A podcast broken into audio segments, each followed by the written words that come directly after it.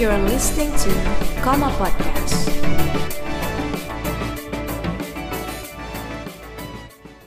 Assalamualaikum warahmatullahi wabarakatuh. Halo teman-teman, selamat datang di podcast Batik, podcast Batik Politik. Seperti biasa, di podcast kali ini kita akan membahas berbagai macam isu politik, baik dalam ruang lingkup internasional, nasional, maupun dalam lingkup kampus. Dan seperti biasa, seperti podcast-podcast sebelumnya, kali ini teman-teman bakal ditemani oleh aku sendiri, Alvaro dari DPP tahun 2020. Dan aku di sini nggak bakal sendiri, aku juga bakal ditemani oleh temanku eh, dari DPP 2020 juga, yaitu dari Farhan. Halo Farhan. Halo. Oke. Dan uh, kali ini uh, podcast kali ini kita bakal kedatangan bintang tamu narasumber yaitu dari aplikasi mahasiswa PhD Victoria University of Wellington di bidang sosiologi dan pendidikan Mas Ben Laksana. Halo Mas Ben Laksana. Halo, halo, halo semuanya. Semoga dalam kabar baik dan keadaan sehat semuanya. Nah, nah pada podcast kali ini itu kita bakal membahas uh, terkait dengan uh, isu pendidikan yang mungkin banyak dari teman-teman tuh udah uh, banyak kedenger lah tentang isu pendidikan ini. Yaitu isu pendidikan yang bakal dibahas di podcast kali ini adalah terkait dengan MBKM. Jadi bagi teman-teman yang mungkin belum tahu kepanjangan dari MBKM, MBKM itu sendiri merupakan Merdeka Belajar Kampus Merdeka, di mana ini merupakan salah satu terobosan yang dicanangkan oleh Kementerian Pendidikan dan Kebudayaan, yang di mana memiliki tujuan untuk mempersiapkan mahasiswa uh, bisa siap di lingkungan industri gitu. Nah, di dalamnya tuh ternyata ada berbagai macam program, seperti ada magang bersertifikat, pertukaran mahasiswa merdeka, dan juga kampus mengajar. Nah, tapi dalam proses perkembangannya ini ternyata MBKM ini menuai pro dan kontra. Nah, pada pada kali ini kita bakal membahas uh, terkait dengan pro kontra dari MBKM itu sendiri. Nah, langsung aja. Sebenarnya ada yang uh, mau aku tanya ini nih, Mas Ben Laksana. Hmm. Itu terkait dengan uh, latar belakang dan juga tujuan dari MBKM itu sendiri. Kalau kita tahu kan uh, dari pemerintah itu kan sudah jelas tuh MBKM digunakan untuk uh, apa namanya untuk bisa mempersiapkan mahasiswa ke dalam dunia industri. Tapi kalau menurut Mas Ben Laksana itu sendiri, sebetulnya latar belakang dan juga tujuan MBKM sendiri menurut Mas Ben Laksana itu seperti apa? Ya, sebenarnya udah dijawab sama Alvaro sendiri sih. karena itu karena itu benar, karena itu adalah satu pernyataan resmi juga dari pemerintah gitu. Kayak misalnya kalian tinggal ya, cari buku saku panduan Merdeka Belajar itu, itu kayaknya masih ada di Kemendikbud dulu. Saya pernah downloadnya, tapi di dalam di dalam kata sambutannya aja ya, nah, si Menteri Pendidikan kita berkata gitu bahwa kebijakan ini tujuannya adalah untuk meningkatkan link and match dengan dunia usaha dan dunia industri. Dengan kata lain, tujuan utama dari MBKM adalah agar bisa menghasilkan um, tenaga kerja yang tanda kutip lebih berkualitas gitu kan ya.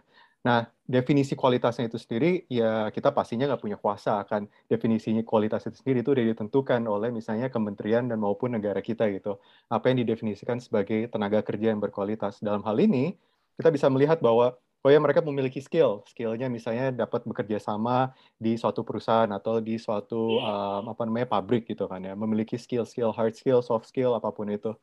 Tapi pernah nggak sih kita juga bertanya tentang apakah mereka memiliki skill untuk memahami tentang hak-hak mereka sebagai pekerja? Apakah hal kayak gitu pernah disebut di dalam misalnya kebijakan-kebijakan MBKM? Akhirnya itu kan tanda tanya besar gitu ketika kita ngomongin tentang merdeka, karena pemerintah kita kan sangat suka ya pakai jargon-jargon kayak merdeka lah, apa segala macam. Pernah nggak sih kita bertanya kembali tentang terminologi atau definisi dari merdeka itu sendiri gitu? Apakah merdeka itu hanya sekedar kita bisa mendapatkan pekerjaan, um, misalnya yang layak dan sekali lagi saya nggak saya nggak ingin mengerdilkan bahwa itu tidak penting itu sangat penting ya pendapatan ekonomi kemandirian ekonomi itu sangat penting untuk untuk banyak orang gitu tapi ketika misalnya kita mampu uh, memiliki skill dan akses terhadap suatu uh, kesempatan bekerja atau tem suatu tempat bekerja, uh, kita paham nggak sih tentang hak-hak kita sebagai pekerja juga gitu? Apakah ternyata kita dapat bekerja tapi ntar kita kerja tujuh hari seminggu gitu atau misalnya enam hari seminggu tanpa misalnya dikasih uang lembur sekalipun gitu.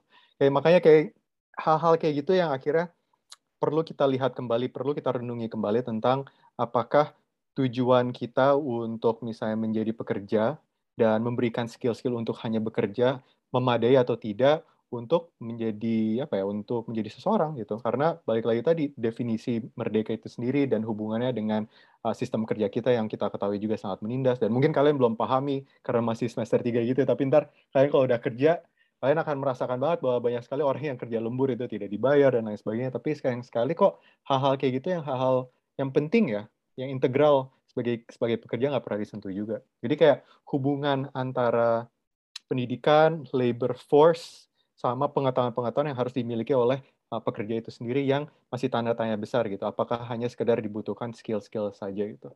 Itu aja sih paling buat saya dari, sebagai permulaan. Tapi benar tadi kata Alvaro, tujuannya adalah untuk menghasilkan pekerja. Pekerja semacam apa? Nah, itu yang sebenarnya harus kita diskusikan lebih dalam lagi.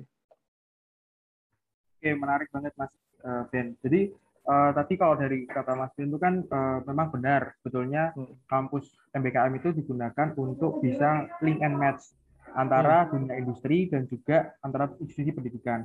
Nah, hmm. tapi uh, kira-kira itu sebetulnya ada nggak sih kira-kira uh, penanaman ideologi atau gimana dari dari negara ke masyarakat itu sebenarnya ada nggak dari apa dari program MBKM itu sendiri? Maksudnya di luar kata-kata menambah skill gitu. Soalnya kan yeah. banyak nih yang kata dari orang-orang yang kontra yang bilang kalau MBKM ini juga menanamkan ideologi neoliberalisme gitu. Gimana Mas? Iya, iya.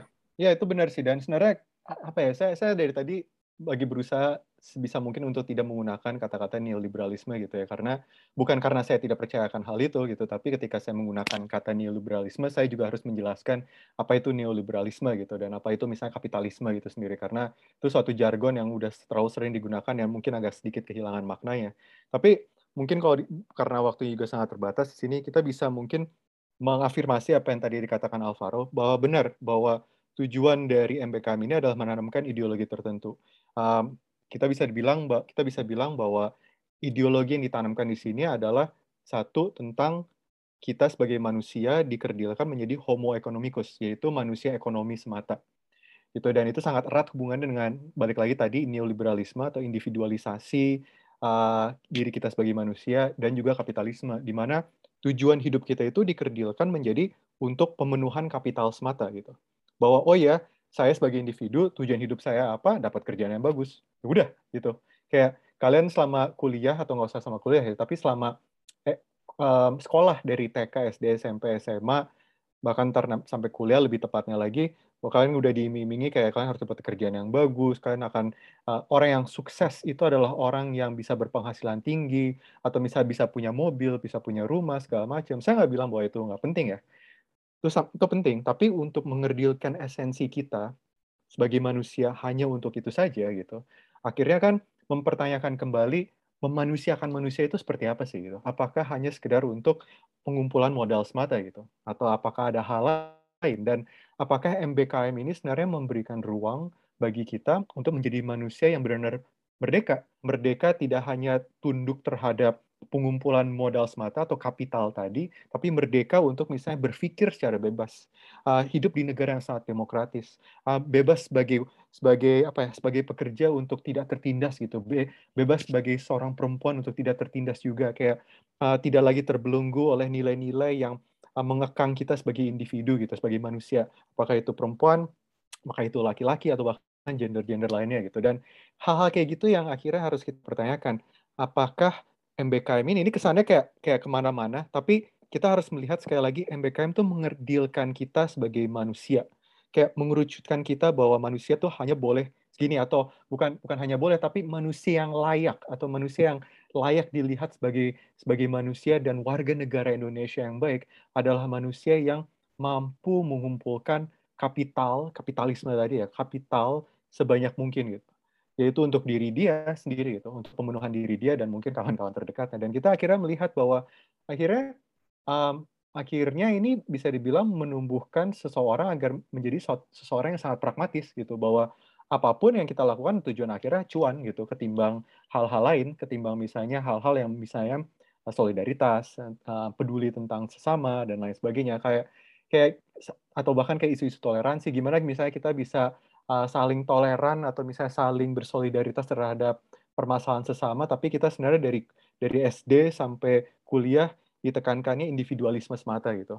Itu kan bagian dari uh, sistem kompetisi atau sistem uh, pendidikan yang mendorong satu kompetisi dan juga uh, tujuan yang di mana tujuan akhirnya adalah untuk pemenuhan modal tadi. Jadi kayak kayak ini bukan hanya sekedar apa ya, bukan hanya sekedar oh ya ini baik nih agar kita dapat kerja agar kita menjadi tenaga kerja yang baik gitu ya. Tapi tujuan akhirnya ya kita lihat bahwa ini mengerdilkan kita sebagai manusia juga gitu. Dan itu yang harus kita lihat kembali apakah baik atau tidak gitu mereka belajar.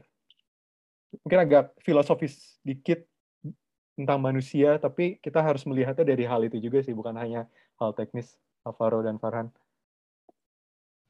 Uh, mungkin uh, aku juga uh, ingat ya tadi uh, tentang uh, apa namanya uh, memanusiakan manusia itu sendiri tentang pemenuhan hak itu sendiri. Nah berkaitan dengan itu aku ingin uh, nanyain sih mas tentang uh, kan banyak tuh yang uh, apa namanya kontra dengan dengan apa namanya uh, MBKM itu sendiri. Nah itu tuh ngomong kalau uh, MBKM itu diindikasi sebagai alat untuk eksploitasi pekerja pekerja karena memberikan upah yang uh, tidak tepat gitu. Tapi di sisi lain, uh, uh, di sisi lain tuh yang pro itu sendiri tuh memberikan uh, opini bahwa sebenarnya pemberian upah pekerja itu tuh di ranah kebijakan pemerintah gitu.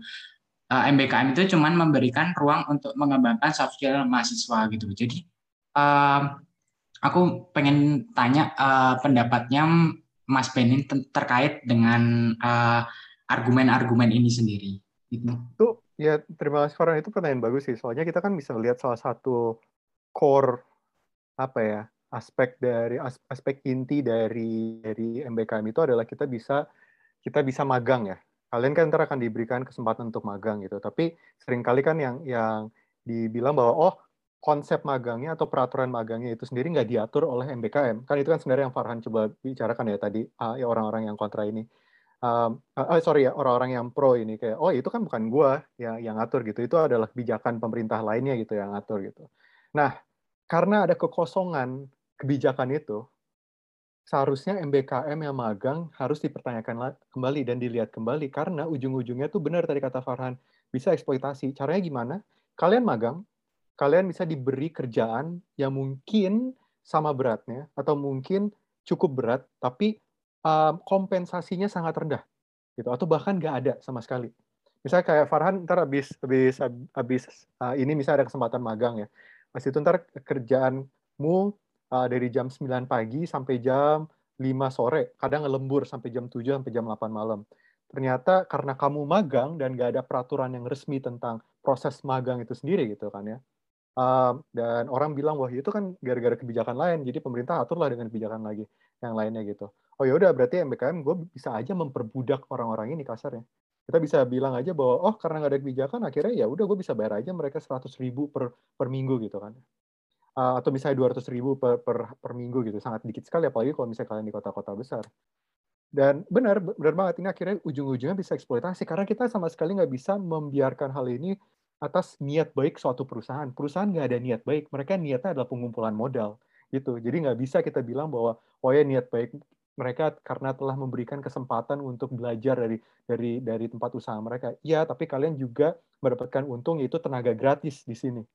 Jadi kayak ini bukan niat baik, tapi kalian hasarnya malah menormalisasi perbudakan itu sendiri lewat MBKM, nah, lewat konsep pembelajaran gitu. Itu kan kayak cuma kedok doang pembelajaran, tapi sebenarnya eksploitasi gitu. Dan akhirnya ini kita bisa melihat bahwa ujung-ujungnya itu MBKM karena mungkin disengaja maupun tidak disengaja ya. Saya nggak bisa bilang ini disengaja juga atau enggak gitu kan ya. Tapi intinya ada kekosongan kebijakan yang mengatur misalnya proses pemagangan ini yang sangat merentankan pekerja dan kemungkinan-kemungkinan perbudakan itu sendiri.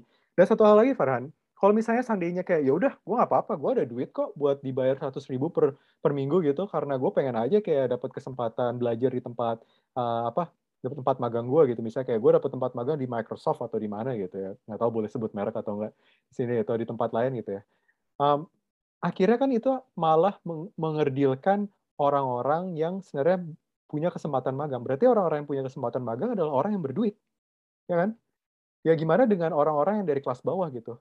Mereka aja nggak bahkan nggak punya uang untuk bayar transportasi tiba-tiba mereka harus kerja di suatu tempat gitu ya mereka bahkan nggak punya duit dan akses segala macam dalam artian monetary access ya economic financial access itu tiba-tiba mereka disuruh magang gratis pula atau sangat dibayar murah pula gitu mereka yang dari masyarakat bawah nggak mungkin bisa dan akhirnya ini malah sekali lagi MBKM tuh malah membuka kesempatan bahwa wah magang ternyata untuk orang kaya aja. Yang kembali lagi diuntungkan bahwa yang yang diuntungkan adalah orang yang sudah mampu ketimbang malah menye, apa ya, memberikan kesempatan buat semua gitu. Makanya kayak sekali lagi saya nggak tahu apakah ini disengaja atau tidak sengaja, makanya saya kayak sangat ambigu juga tentang MBKM karena masih bisa diperbaiki lebih dalam lagi karena saya saya melihat kesempatannya yes ada untuk menjadi suatu hal yang sangat bagus, tapi secara aktual MBKM itu masih banyak kekurangannya gitu. Masih banyak kekurangan fatalnya yang sebenarnya yang balik lagi tadi kata Farman malah membuka ruang eksploitasi tadi sih. Terus semoga sedikit ngasih gambaran um, ini. Dan saya tahu karena tadi Ubay udah ngasih waktu udah masuk 12 menit, jadi saya agak buru-buru. Uh, menarik banget ya Mas. Berarti hmm. uh, sekarang tuh mungkin uh, apa ya magang itu bisa dinikmatinya malah sama orang-orang uh, yang finansialnya cukup gitu ya Mas. Tapi uh, apa ya argumen-argumen ini tuh yang pro ini karena argumen pro ini uh, lumayan banyak ya mas dan lumayan dominan gitu. Uh, saya itu uh, sebenarnya tuh ada suatu argumen itu yang menyatakan sebenarnya tuh uh, apa ya BKM ini tuh untuk menyiapkan talent-talent gitu mas buat buat apa namanya menjawab tantangan uh, besok di 2024 itu sendiri dan itu tuh uh, juga bisa uh, menjawab permasalahan-permasalahan struktur yang lain gitu loh mas. Jadi apa namanya? Uh, saya itu mau menanyakan tentang uh, pendapat Mas apa di sisi lain tadi katanya uh, pendapat uh, Mas Ben itu bahwa sebenarnya itu MBKM uh, berkedok apa berkedok ini ya mas berkedok perbudakan ya. bisa dibilang gitu ya mas ya. nah itu mungkin uh, saya pengen apa tahu ininya argumentasinya mas Ben juga ya intinya sih dari sekarang sekarang 2021 ya sampai 2024 layaknya manusia butuh makan butuh hidup butuh semuanya gitu. Dengan kata lain seandainya mereka magang sekalipun gitu ya untuk mempersiapkan masa depan mereka butuh hidup mereka butuh um, apa ya butuh bisa memenuhi kebutuhan mereka sehari-hari yaitu kebutuhan ekonomi tadi gitu. Dan ini ini ya ini ini dengan dengan satu syarat san, apa ya kalau MBKM tidak mewajibkan perusahaan magang ini membayarkan um, para orang-orang yang magang ini ya ini sekali lagi akan membuka eksploitasi tadi. Ini ini berbeda kalau misalnya seandainya ternyata MBKM sekarang misalnya saya nggak tahu tiba-tiba uh, Nadiem ngeluarin kebijakan baru gitu ya bahwa perusahaan-perusahaan ini wajib untuk bayar gitu. Itu lain hal ya. Tapi kalau misalnya kita saat ini masih menormalisasi, melumrahkan bahwa magang itu nggak perlu dibayar atau bahkan dibayar murah gitu. Orang kan bisa dibilang kayak, oh ya ini untuk mempersiapkan masa depan untuk 2024. Baik lagi tadi, iya mempersiapkan orang-orang semacam apa? Oh, mempersiapkan mereka yang sudah mampu. Karena orang yang magang itu ada orang-orang yang sudah mampu. Sedangkan yang kita perlu siapkan adalah semuanya tanpa melihat kelas gitu kan ya. Sedangkan kalau baik lagi tadi kalau seandainya magang ini sendiri nggak dibayar atau dibayar sangat murah, siapa sih yang sebenarnya mampu magang atau sebenarnya siapa sih yang benar-benar dapat um, sepenuh apa dapat pengetahuan sepenuhnya dari magang itu sendiri gitu. Contohnya kayak gini, misalnya kayak uh, saya dari latar belakang kurang mampu, saya masih bisa magang, dan atau saya memaksakan diri saya magang, dikasih pekerjaan segala macam, tapi kalian nggak mampu beli misalnya makanan hari itu karena nggak ada duit sama sekali, benar-benar nggak ada duit dan nggak dikasih uang makan sama sama perusahaannya. Menurutmu Farhan dan Alvaro, kalian bisa nggak sih belajar dalam kondisi di mana kalian kelaparan gitu? Atau kalian pagi-pagi harus bangun pagi segala macam untuk misalnya udah naik angkutan umum gojek apa pun gitu tempat kerja duit kalian habis untuk transportasi dan kalian nggak ada duit sama sekali untuk makan itu itu sangat minim sekali gitu kan. Dan makanya kayak pertanyaan-pertanyaan kayak gini yang yang yang yang yang harus dijawab lagi. Dan jangan lupa juga Farhan Alvaro banyak sekali keluarga yang sangat dependen terhadap anaknya itu untuk bisa menghasilkan secepatnya itu apalagi dari keluarga miskin gitu. Misalnya mereka datang dari luar keluarga miskin, udah susah payah menyekolahkan anaknya sampai universitas sampai perguruan tinggi gitu ya. Uh, keluarga miskin, ya mereka sangat berharap banyak dari si anak ini untuk sesegera mungkin menghasilkan agar bisa membantu orang tuanya. Kalau misalnya seandainya proses magang ini malah semakin mempersulit keluarganya karena misalnya anaknya, sorry mah pak, saya butuh duit nih buat transportasi, buat magang ini malah memperdalam lingkaran kemiskinan itu sendiri. Karena akhirnya keluarga yang sudah miskin harus mengeluarkan duit lagi untuk agar anak ini bisa magang dan berkontribusi dan menjadi apa pun itu untuk 2024. Sedangkan kalau saya datang dari latar belakang kurang apa latar belakang yang sudah mampu, yang berkecukupan, itu bukan masalah buat saya. Makanya akhirnya apakah program MBKM ini dan sebenarnya uh, kita ag agak terlalu fokus terhadap magang ini karena MBKM sangat luas ya sebenarnya. Apakah program MBKM khususnya magang dalam MBKM ini baik lagi tadi apakah malah mendorong eksploitasi atau tidak gitu. Makanya agar itu tidak terjadi kita harus memastikan bahwa orang-orang yang magang wajib diberikan penghidupan yang layak. Wajib diberikan uang juga karena mereka telah bekerja. Jangan kita malah membiarkan atau melumrahkan, menormalisasi bekerja tanpa dibayar. Itu bukan presiden yang buruk, ya itu bukan presiden yang baik untuk tenaga kerja kita ke depannya gitu. Itu itu justru mem, apa ya membuat saya banyak bertanya tentang uh, bukan hanya sekedar tentang pendidikan tapi tentang merdeka itu sendiri bahwa merdeka adalah bekerja secara gratis. Masa iya sih?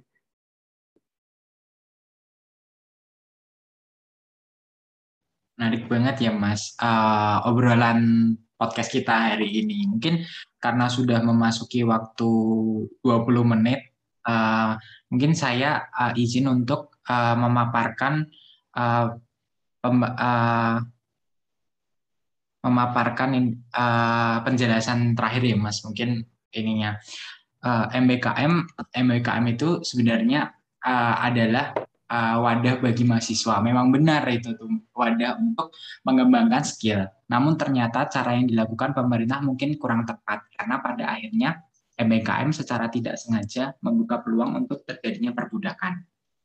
Selain untuk terjadinya perbudakan, uh, secara tidak langsung MBKM itu menjadi ranah untuk uh, memperkerdilkan manusia maupun instansi pendidikan itu sendiri.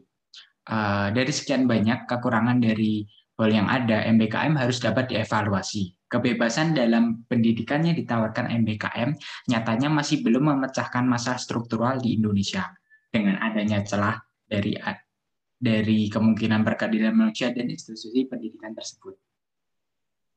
Baik, uh, mungkin uh, podcast pada hari ini kita cukupkan.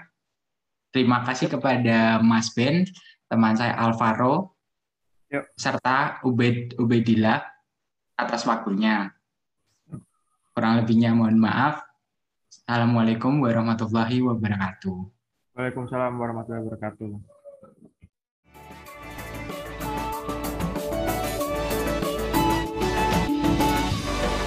Jangan lupa untuk mendengarkan Koma Podcast di media streaming lainnya. Apple Music, Spotify, dan Anchor. Sampai jumpa!